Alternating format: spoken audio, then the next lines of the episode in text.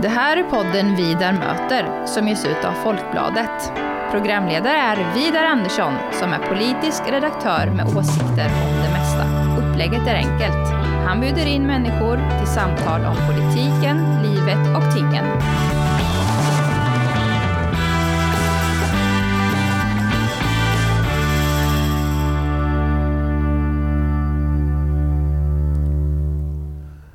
Ardalan Shekarabi, välkommen till Vidar möter.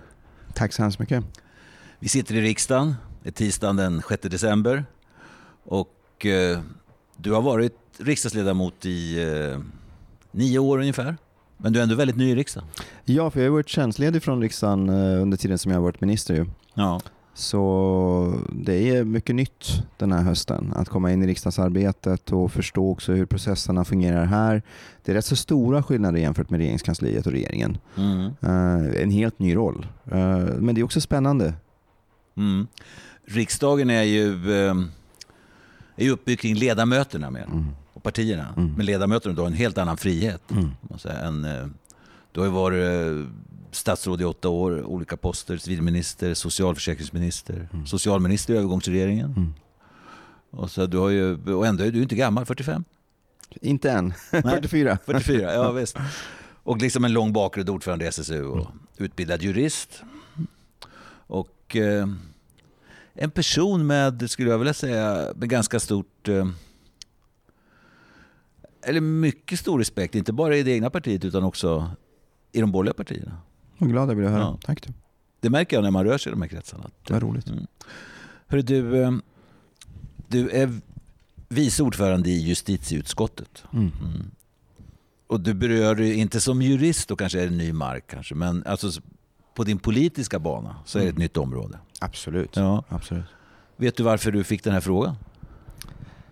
Eh, ja, för att ledningen tyckte att det var, en, det var en klok idé. Och jag blev väldigt glad för att som jurist så är det ju spännande att få jobba med rättsliga frågor. Mm. Och det har jag självklart gjort på andra rättsområden. Mm. Eh, både socialförsäkringsrätten och, och eh, upphandlingsrätten är ju områden som jag jobbat med som minister. Ju. Men justitieutskottet är ändå kärnan, den liksom hårda kärnan i juridiken. Mm. Och, det är väldigt spännande att få ha användning av, av de juridiska kunskaperna men också lära sig nya rättsområden och, och jobba med de professioner som finns inom rättsväsendet och, Mm. och rättskedjan.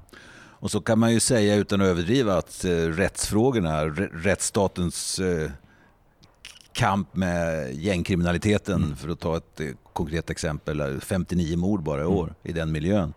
Det är klart det är väl en av de riktigt stora omvälvande frågorna i Sverige. Ja, det är ju en av de största frågorna måste man ändå säga i Mm. vårt land. Ja. Eh, Det är också en fråga som påverkar andra frågor. Det påverkar liksom tilliten i samhället i stort, Mm. känslan av trygghet i samhället i stort. Så det är en, en, en nyckelfråga om eh, vi ska kunna förstärka tilliten och sammanhållningen i vårt land så måste vi ju komma åt den grova brottslighet som, som, som påverkar oss alla. Ja. Och det verkar ju så när man ser på det utifrån som om socialdemokratin nu positionerar sig alltså, ungefär där man var i regering. Alltså att man inte ändrar bara för att man nu är i opposition. Ja, det, det är korrekt. Eh, vi, vi fokuserar på sakfrågorna. Mm. Eh, vi kommer vara en konstruktiv opposition på det här området. Sen finns det ju delar av, av, av Tidöavtalet som, som vi är väldigt kritiska till. Mm. Alltså i, som rör just rättssäkerheten och som får negativa konsekvenser för rättssäkerheten och långsiktigt för kriminalpolitiken överhuvudtaget. Men det finns också delar som, som, som, eh, som är bra Mm. och eh, förslag som vi är beredda att, att stödja. Och eh, för mig är det viktigt att räcka ut en hand till, till justitieministern. Jag har stor respekt för Gunnar Strömmer Mm. och är beredd att, att jobba tillsammans med regeringen i de delar där, där vi har en gemensam syn. För eh, den grova brottsligheten är så allvarlig eh, för vårt samhälle så att landets bästa måste komma först. Vi kan Mm. inte sätta eh, kortsiktiga partipolitiska intressen först utan vi måste vara beredda att samarbeta över partigränser och eh, släppa prestigen i de här frågorna. Det är viktigt tror jag. Jag läste en artikel, jag tror det var förra veckan, du skrev i Svenska Dagbladet om det här. Mm. Och du markerade så också ja, det här klassiska Tony Blair, citatet alltså om eh, ska vara tuff mot brotten men också brottens orsaker. Du talar om det förebyggande arbetet som en profilfråga där mer för Socialdemokraterna. Vad kan man säga om det förebyggande då? Ja, att de frågorna har fått för lite fokus i, i både sakpolitiskt och i debatten i Sverige. Jag menar, en avgörande fråga om vi ska klara av att, att, att minska brottsligheten, grova brottsligheten, det är ju psykiatrin. Barn och Mm. ungdomspsykiatrin. Mm. Det, den debatten finns ju inte. Liksom. Mm. Vi har inte gjort den kopplingen. Eh, Det har självklart diskuterats om, om skolans roll. Mm. Men det finns många andra delar i välfärdsstaten som är relevanta för att, för att förebygga eh, brott. Det är eh, definitivt så att det finns ett behov av att sätta tydligare fokus på de frågorna. Och Sen är det ju alltid så när det är ekonomiskt sämre tider så är risken att resurserna minskar i offentlig verksamhet. Mm. Och Det kan ju få effekter för inte minst kommunernas frivilliga eh, verksamheter. Va? Det som Mm. inte är eh, reglerat i lag. Mm. Och då är risken att vi får en negativ effekt på det förebyggande arbetet. Så vi har en viktig roll där att, att sätta fokus på det förebyggande och, och i samråd med alla de professioner och aktörer som finns i den här sfären ta fram en, en, en uppdaterad politik Mm. eh, som förhoppningsvis bidrar till att, att Sverige tar några kliv i rätt riktning också. Mm. Jag tänker som så, jag har ju en del av eh, mitt tidigare liv inom just ungdomar och Mm. brottslighet och, och missbruk och uppväxt då när jag läste på folkhögskolan med Rita Liljeströms klassiker Barns uppväxtvillkor och sånt där. Och hela den socialpolitiska säga, grundbulten i, i samhället, det är som du säger, den lyser med sin frånvaro. Det Mm. finns ju verksamheter, men alltså so, socialpolitiken som sådan. Och, eh, och vad jag minns då från min ungdom och säg 30-40 år tillbaks så talar man ju inte om socialpolitiken att den skulle förebygga någonting speciellt utan den skulle bygga alltså ett bättre samhälle. Om, om människor har bra villkor, eh, arbetar, försörjer sig och så vidare så är det ett bättre samhälle helt enkelt. Och man tänkte inte att det ska förebygga just det eller det eller det Mm. utan det skulle bygga någonting bra. Liksom det är en helt annan mm, attityd till det Mm. än vad vi nu. Och jag undrar om inte det var mer rätt då. Alltså att det är väldigt svårt att säga att man ska förebygga någonting särskilt Mm. med, no- med en särskild åtgärd. Och det kan ju vara om människor som har allvarlig psykisk ohälsa Mm. eller är väldigt, väldigt fattiga eller såna här saker. Menar, Då kan man säga då, här kan man gå in. Men i det stora hela så är det väl alltså, bra skola, att barnen går i skolan, arbeta, försörja sig, vara en del av det här. Det förebygger väldigt mycket. Och, Ja, och, men debatten i Sverige när man har talat om förebyggande insatser har ju handlat om väldigt smala frågor. Ja, alltså visst. mer kanske repressiva inslag Mm, också mm. inom det Ja, ja, förebyggande. visst. så social, socialtjänstens eh, tvångsåtgärder till Mm, exempel. ja, visst. Men du har ju rätt i att, att eh, det som på riktigt förändrar situationen det är ju de, de, de generella insatserna Ja, i ett samhälle. Va? Och vi behöver nog få mer fokus på detta, absolut.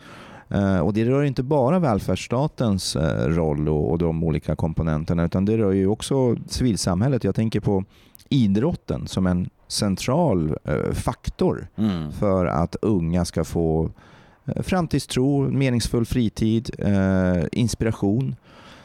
Eh, idag är det så att vi har fått ett samhälle som är segregerat också i den delen. Journalisten Emma Leinsten skrev ju en intressant bok om segregationen i skolan och ett kapitel handlar om segregationen på fritiden. Mm. Att medelklassbarn har ofta flera organiserade aktiviteter i veckan Mm. flera olika typer Ja, av organiserade Medan många som kommer eh, från dagens underklass, alltså de Mm. som har eh, ekonomiska svårigheter, de familjer som har ekonomiska svårigheter, de saknar eh, någon form av organiserad fritidsaktivitet. Det där är ju en, en, en viktig faktor självklart. Mm. För jag minns ju själv vad, vad, vad idrotten och kulturlivet för den delen gjorde under de här åren när man formas och när Mm. man får liksom framtidsidéer, när man får liksom inspiration, när man får ett sammanhang, Mm. trygghet och också eh, ett, en plattform att göra någonting vettigt, något konstruktivt med den frustration som väldigt många unga killar känner Mm. i åldern 11, 12, 13, 14, 15, Ja, ja, 16. visst. va? Så att, eh, vi behöver en bredare debatt som är kanske mer fokuserad på de generella insatserna Mm. och inte bara det som är specifikt brottsförebyggande. Nej, eller hur? För, för det vet man egentligen inte så exakt. Man, ingen kan säga exakt så här, vad gör att det vänder för en ung människa, eller att det går bättre för en ung människa. Det kan vara många olika saker. Det var ett samtal med en person Mm. bara som helt plötsligt får den här unga människan att tänka på ett annat sätt. Mm. Och sånt kan man ju inte bestämma i riksdagen eller i Mm. regeringen utan, utan det är något annat. Men en sak som också är där och som jag tror är viktigt, är att när, man ser på jag menar, de eh, undersökningar och granskningar som inte minst Dagens Nyheter har gjort, mm. så här, fakta i frågan, så ser man vilka är det som skjuter. Ja, de, de allra flesta är ju födda här, mm. men i stort sett allihop mm. Uh, är, har ju en invandrarbakgrund. Mm. Och, um, och det säger någonting också om att en misskött invandringspolitik under mm. många år. Jag menar, Sverige ska ju vara ett bra invandringsland. Mm. Men om det kommer för många samtidigt så hinner inte samhället med. Det går vare sig skola eller civilsamhälle eller allt det här. Utan eh, det blir olika världar på något sätt. Jo, erfarenheten om man tittar på de senaste decenniernas invandring till Sverige det är att många grupper har lyckats otroligt väl. Ja, ja, ja. Men så har det grupper som, har, som inte alls lyckas lika mm. bra. Uh, och Man måste klara av att, att uh, föra en debatt om det. Mm. Vad är det som har gjort att, att, att vi har lyckats till delar och, och, och misslyckats mm. i andra delar? Uh, och Det är klart att, att då spelar ju invandringens storlek en avgörande faktor. Men det är många andra faktorer också. Hur integrationen sker, hur fördelningen sker i landet, hur bosättningen sker. Nu kommer ju Sverige med mycket stor sannolikhet ha en begränsad invandring de kommande åren, decennierna. Mm. Det verkar ju liksom råda en politisk eh, enighet om att eh, vi ska ha en stram migrationspolitik. Mm. Mm. Eh, vilket innebär att då borde det finnas utrymme att, att de här kommande åren sätta fokus på att klara av integrationen av de människor som, som haft svårigheter att komma in i samhället. Mm. Och det tycker jag är bra. För att eh, du är helt rätt i att många av de som, som hamnar i sociala problem eh, och som i värsta fall då en liten grupp kan ju hamna i kriminalitet och, och gör det. Det är ju inte nödvändigtvis nyanlända människor. Nej, de är födda här. De är födda. Ja, och det är ju ännu värre. Ja, För det säger någonting ja, om... Absolut. Eller absolut. Det var inte så konstigt om man sa att de kom 2015 och kastades ner 150. Ja. Menar, det, det är lätt att förstå. Mm. Men de är födda här i huvudsak? Det intressanta är att många av de som kom 2014 och 2015 har det gått otroligt bra för dem. Ja, ja, man kollar till exempel på gruppen som kom från Syrien. Mm. Jag har mött många nu eh, och många har kommit in i samhället mm. väldigt väl. Så det har, det har att göra med förutsättningar, det är ingen tvekan om. Alltså, mm. Vad har man för uh, förutsättningar att komma in i samhället? Vad är det för uh, mottagande? Mm. Hur ser förutsättningarna för mottagandet ut? Och det där är ju någonting som, som måste vara vägledande för, för ställningstaganden de här kommande åren. Erfarenheten av vad som lyckats och inte lyckats. Ja, precis. Och jag utan att veta så väldigt mycket om det, men jag har talat med en del Afrikakännare mm. Och, och följt eh, inte minst den brittiska debatten om när det till exempel gäller somalier. Mm. Och, och somalier är väldigt bra integrerade alltså i, i Storbritannien mm. till exempel. Mm. Och, och hemma vid där i Östafrika så man har mm. den, man, har, man är entreprenörer, mm. man tar hand om saker och ting, det är mycket företagsamhet och man fixar och donar, ordnar. Men här hamnar ju många istället i utanförskap och bidragsförsörjning och det är det, är det sämsta. Ja, och det är precis den debatten vi skulle behöva ha. Eh, en, en, liksom en öppen, transparent, ärlig debatt om dels vilka, vilka grupper som, som uh, har haft svårigheter att komma in i det svenska samhället, vad skälen detta, uh, till detta är och vad lösningarna framförallt är. Mm. Det är ju en debatt som, som är svår, för att det är klart att ja. det finns liksom risk för stigmatisering, det finns risk för att fördomar och främlingsfientlighet kan komma att prägla debatten utan tvekan. Men det kan inte vara skäl till att inte föra den debatten, mm. alltså att inte ha det samtalet. För att vi vill ju att Sverige ska vara ett bra land för alla. Ja, vi vill ju att alla ska komma in i samhället. Ja. Vi, vill att minsk, vi vill lösa de problem som finns. Och då måste vi också se verkligheten som den är idag. Mm. Vi, måste, vi måste orka ta in det. Mm. Ja, jag tror som du, ifall man håller ner, kan hålla ner invandring här i, i 15-20 år mm. så, ger, ja, så har Sverige mycket goda chanser att komma igen. Mm. Absolut, det är jag nästan säker på. Du är ju själv invandrare. Mm. Ja. Och eh, sen du lämnade regeringen då och um, blev riksdagsledamot och i någon mening vanlig medborgare så har, har det också uppmärksammats mycket mer. Så att säga. Mm. Du framträder mer som en svensk iranier. Du har också mm. skrivit en väldigt, väldigt intressant bok som heter Korsvägar ihop med Jesper Bengtsson. Mm. Om det här, om så här, ditt liv som svensk och iranier. Mm. Kan du utveckla det där lite? Alltså, men jag, jag, har känt ett behov av att berätta om, om uh, resan att bli svensk. Resan att hitta sin identitet. Det är ändå någonstans mellan 20-25% av svenskarna som har rötter i andra länder. Mm. Uh, och, och det här med dubbla identiteter och liksom många identiteter egentligen. Mm. i en och samma person. Det är någonting som, som, som präglar många människor i, i, i, vårt land. Så jag kände liksom ett behov av att berätta om hur min resa in i det svenska samhället gick till, hur jag hittade min identitet. Och Det känns fantastiskt att få prata fritt om det. Mm. Det är klart att när man är i regeringsrollen så är man ju mer begränsad och, och det är ju självklart, det är, mm. det är ju en annan roll. Uh, men nu råkade det vara så att, att boken gavs ut uh, Samtidigt som jag gick in i en ny roll också mm. som riksdagsledamot. Och... Väntar du på det eller? Nej. Nej, inte, inte vänta så. Nej, men, alltså, men, Nej, men jag hade kunnat... nog tänkt att, att, släppa boken efter, efter, efter uh, valet. Det, det, var ju genomtänkt. Mm. Men jag hade ju hoppats på att vi skulle vinna valet. Mm. Men, men uh, just ur bokens perspektiv så blev det ju ett, en möjlighet att, att tala lite mer fritt om om den livsresa som jag har gjort och sen kommer naturligtvis Iranfrågan upp på dagordningen eftersom protesterna mm. inleddes mm. nästan direkt efter det svenska valet. Ju. Eh, så det har funnits skäl att ändå prata en del om eh, den svensk-iranska identiteten och hur det påverkar mig idag och hur det påverkar runt 120 000 svenskar mm. som har iranska rötter. Ja. Och läsningen av, av, din bok, det gav ju mig, jag, menar, jag har ju aldrig flyttat och vet ju ingenting om det i praktiken. Men ändå din bok gav mig mer insikter om hur den där resan kan vara. Man pendlar mellan väldigt svensk och ingen svensk. Och, och, och ehm, det där är... Ehm, alltså, jag skrev några rader om din bok i Folkbladet och sammanfattningen var så att, säga, att det är en plädering så att säga, för en nationell gemenskap men utan identitetstvång. Alltså mm. man, kan faktiskt, man, inte, mm. man ska inte gå runt och försöka trycka undan att man, mm. man faktiskt har en annan identitet mm. också. Ja, och jag tror den nationella gemenskapen eh, är en förutsättning för, för den samhällsmodell som, som jag och vi socialdemokrater vill se. En, en, en samhällsmodell som bygger på ömsesidighet, som bygger på solidaritetstanken, som bygger på eh, tillit. Hög grad av tillit mellan människor. Mm.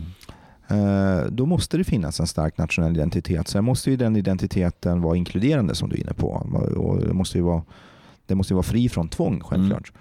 Men det krävs ändå att det finns en gemenskap i ett samhälle och en, en, en stark känsla av samhörighet för att eh, vi ska kunna ha ett samhälle som, som, som är jämlikt och som, som bygger på de, de värderingar som, som Socialdemokraterna har utgått ifrån i mm. samhällsbygget sedan början av 1900-talet. Mm. Eh, vad jag förstår så den iranska diasporan i Sverige är ganska stor, 100-120 000 människor ja. kanske ungefär. Och eh, ni är några svenska iranier i riksdagen nu och, och så vidare. Skulle du säga, har det betydelse eller känner du, håller du mycket kontakt med? Eh? Mer och mer med anledning av protesterna. Ja, ja. Det har ju fört, fört många iranier eh, samman. Ja. Sen är det ju en grupp som är extremt framgångsrik i Sverige. Mm, det spelar ingen roll om man är i politiken, näringslivet, mm. kultursektorn. Det är en grupp som, som har kommit in i samhället väldigt väl mm. ju, och eh, bland de mest högutbildade grupperna eh, i det svenska samhället. Eh, men det är eh, också en resa som många har gjort och gör. Att, att hitta den här dubbla identiteten. Att kunna vara mm. svensk mm. och känna sig 100% svensk och samtidigt ha den iranska mm. identiteten och kopplingen till, till den iranska kulturen och, mm. och, och, traditionerna. Ja, det är ett, eh, det är ett fantastiskt gammalt kulturland. Och, oh, jag menar, oh ja. Iranier är ju, finns ju överallt. Alltså, genom olika, det har ju varit många sammanbrott, mm. många revolutioner, mm många diktatorer mm. under årens lopp, alltså seklernas lopp. Mm. Och eh, det finns ju eh, ja, iranier överallt egentligen. Och, ja, ja. Det, och det är verkligen, jag var i Tyskland, eh, sista resan som minister gjorde jag till Tyskland. Och I Tyskland så var det sex partier i, i, i förbundsdagen och av dem har tre antingen partiordförande eller partisekreterare som har iranska rötter. Ja.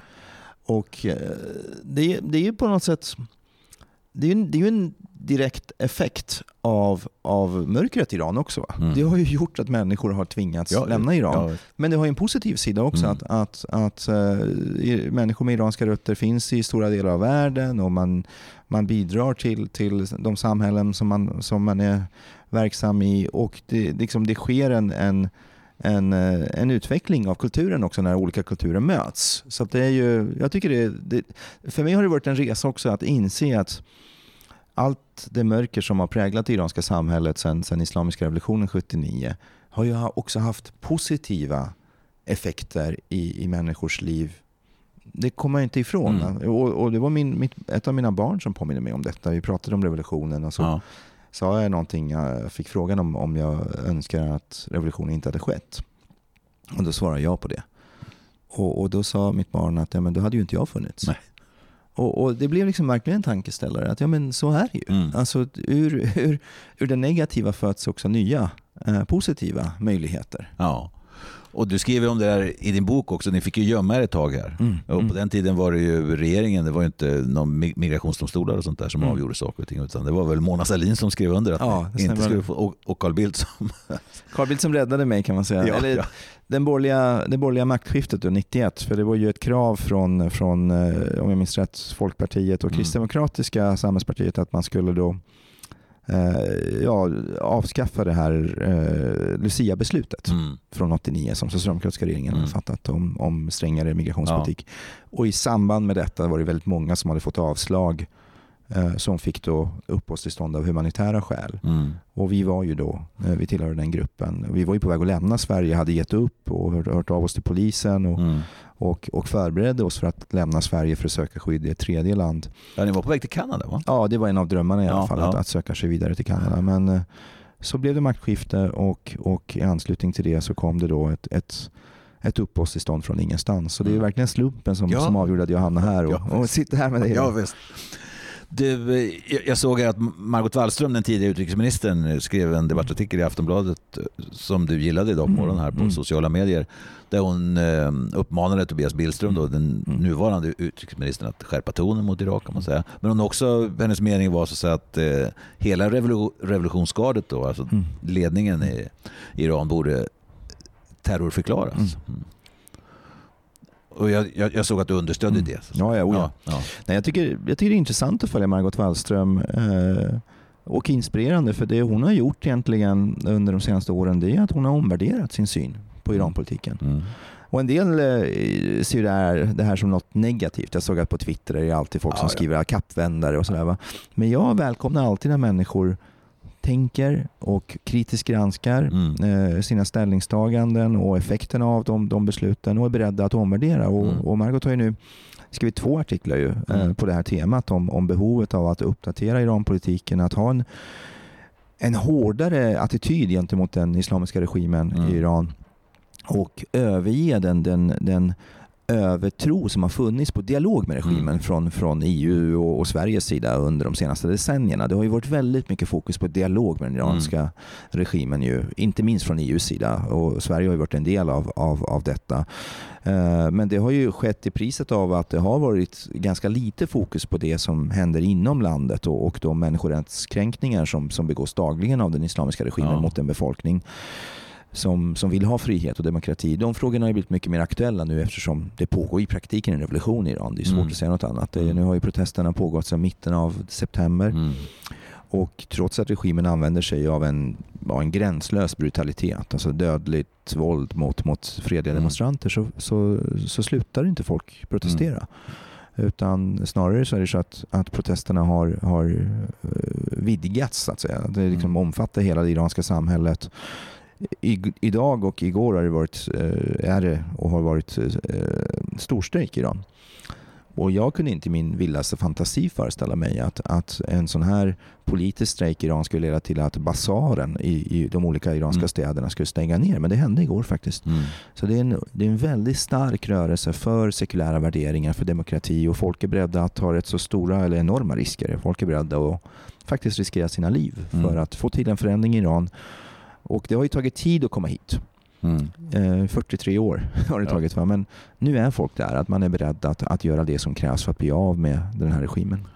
Du menar att det är ett, av, det är ett avgörande, kanske inte ögonblick, men en avgörande period som Irans befolkning befinner sig i nu? Ja, för fram till eh, egentligen 2019 så fanns det ändå en försiktighet i det iranska samhället. Alltså erfarenheterna från revolutionen 79 gjorde att man var väldigt skeptisk till, till revolution.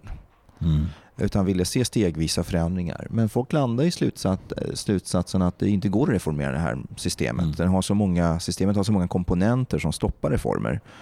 Så trots att folk har deltagit i icke-demokratiska val för att välja mer reformsinnade politiker så har det inte blivit några reformer. Så till slut så landade landar, landade kan man säga, en, en, majoritet av iranierna i slutsatsen att nej, men då måste vi protestera för att få bort den här regimen, för att få till en, en, en förändring av regimen. Mm. Och eh, priset är ju väldigt högt för det här är en regim som, som, är, som är van med att använda sig av våld mot, mm. mot sin egen befolkning. Men eh, det som skiljer de här protesterna från tidigare protester det är ju att de pågår i hela landet. Eh, de inkluderar alla samhällsklasser, alla olika etniska grupper i Iran. Och att protesterna leds av kvinnor. Mm. Som är den grupp i det iranska samhället som har haft mest att förlora på det islamistiska styret. Mm. Som har förlorat rättigheter, som verkligen eh, både generellt och, och, och, mer specifikt också drabbats av, av den politik som, som förts av islamisterna sedan 79. Mm.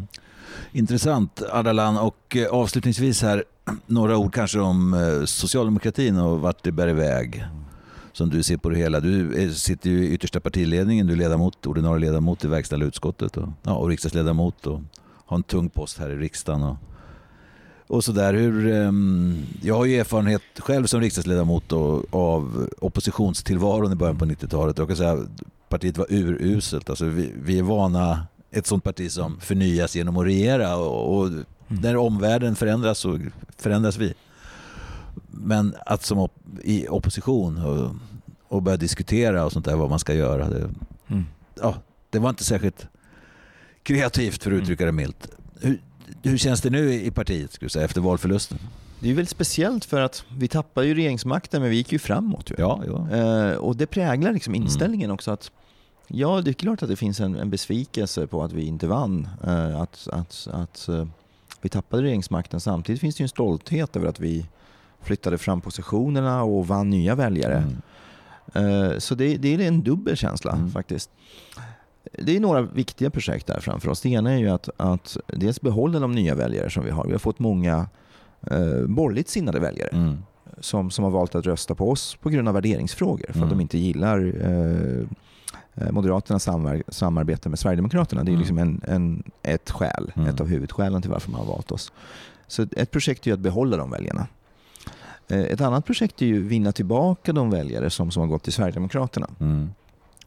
Och det är klart att, att det kommer vara en väldigt intressant fråga för det kommer ju ske förändringar. För Sverigedemokraterna kommer ju att gå från att vara ett rent missnöjesparti, ett, ett, liksom mm. ett, ett oppositionsparti till att i praktiken vara ett av de partier som har makten i Sverige mm. och blir därmed också ansvariga för, mm. för samhällsutvecklingen. Då kommer det komma nya öppningar för Socialdemokraterna. Men eh, det som man märker nu är att det är viktigt för, för socialdemokrater att vi ska vara ansvarstagande, att vi ska vara konstruktiva där, där vi har samsyn med regeringen och att vi inte ska liksom dra iväg mm. eh, i, i, i oppositionspolitiken utan fortsätta egentligen den linje som, som, som vi har haft sedan Magdalena Andersson mm. valdes till partiordförande i november förra året. Mm. Uh, jag tror att det är en ganska bra, bra väg till valseger mm. nästa gång. Att, att, att uh, vårda de här relationerna som vi har med många medborgare, bygga nya relationer mm. och att, att orka också fortsätta vara ansvarstagande och konstruktiv där, där förutsättningar finns. Mm.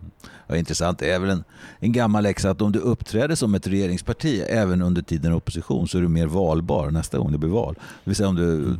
för då Ja, man måste ju också liksom ställa, jag tycker generellt både i livet och politiken måste man alltid ställa frågan, vad har vi för tillgångar då? Alltså, vad, är, mm. vad är vår styrka? Mm.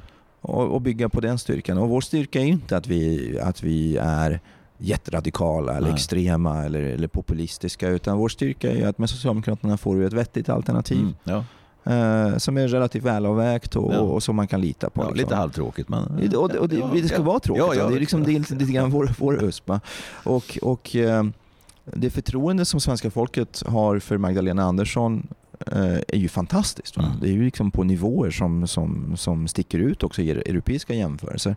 Att bygga vidare på det och sen behöver vi självklart utveckla vår politik. För den, den fråga som jag får när jag är ute och pratar, senast i Gävle igår. Hur ska ni, hur ska ni lösa segregationen? Mm. Alltså det, det är den ja, frågan ja, som, som dyker upp överallt. Ja. Och vi måste ha ett bättre svar på konkreta reformer. Hur mm. vi ska bygga ihop Sverige igen. Alltså, mm. Alltså, lösa de segregationsproblem som påverkar så många olika politikområden. Va? Eh, det är det stora projektet. Mm. Eh, och jag tror att vi kommer att ha ganska goda förutsättningar faktiskt. Mm. Det säger alltså Ardalan Shekarabi som eh, har varit med i Vidar möter denna dag härifrån riksdagen. Stort tack för att du ville vara med. Tack så hemskt mycket.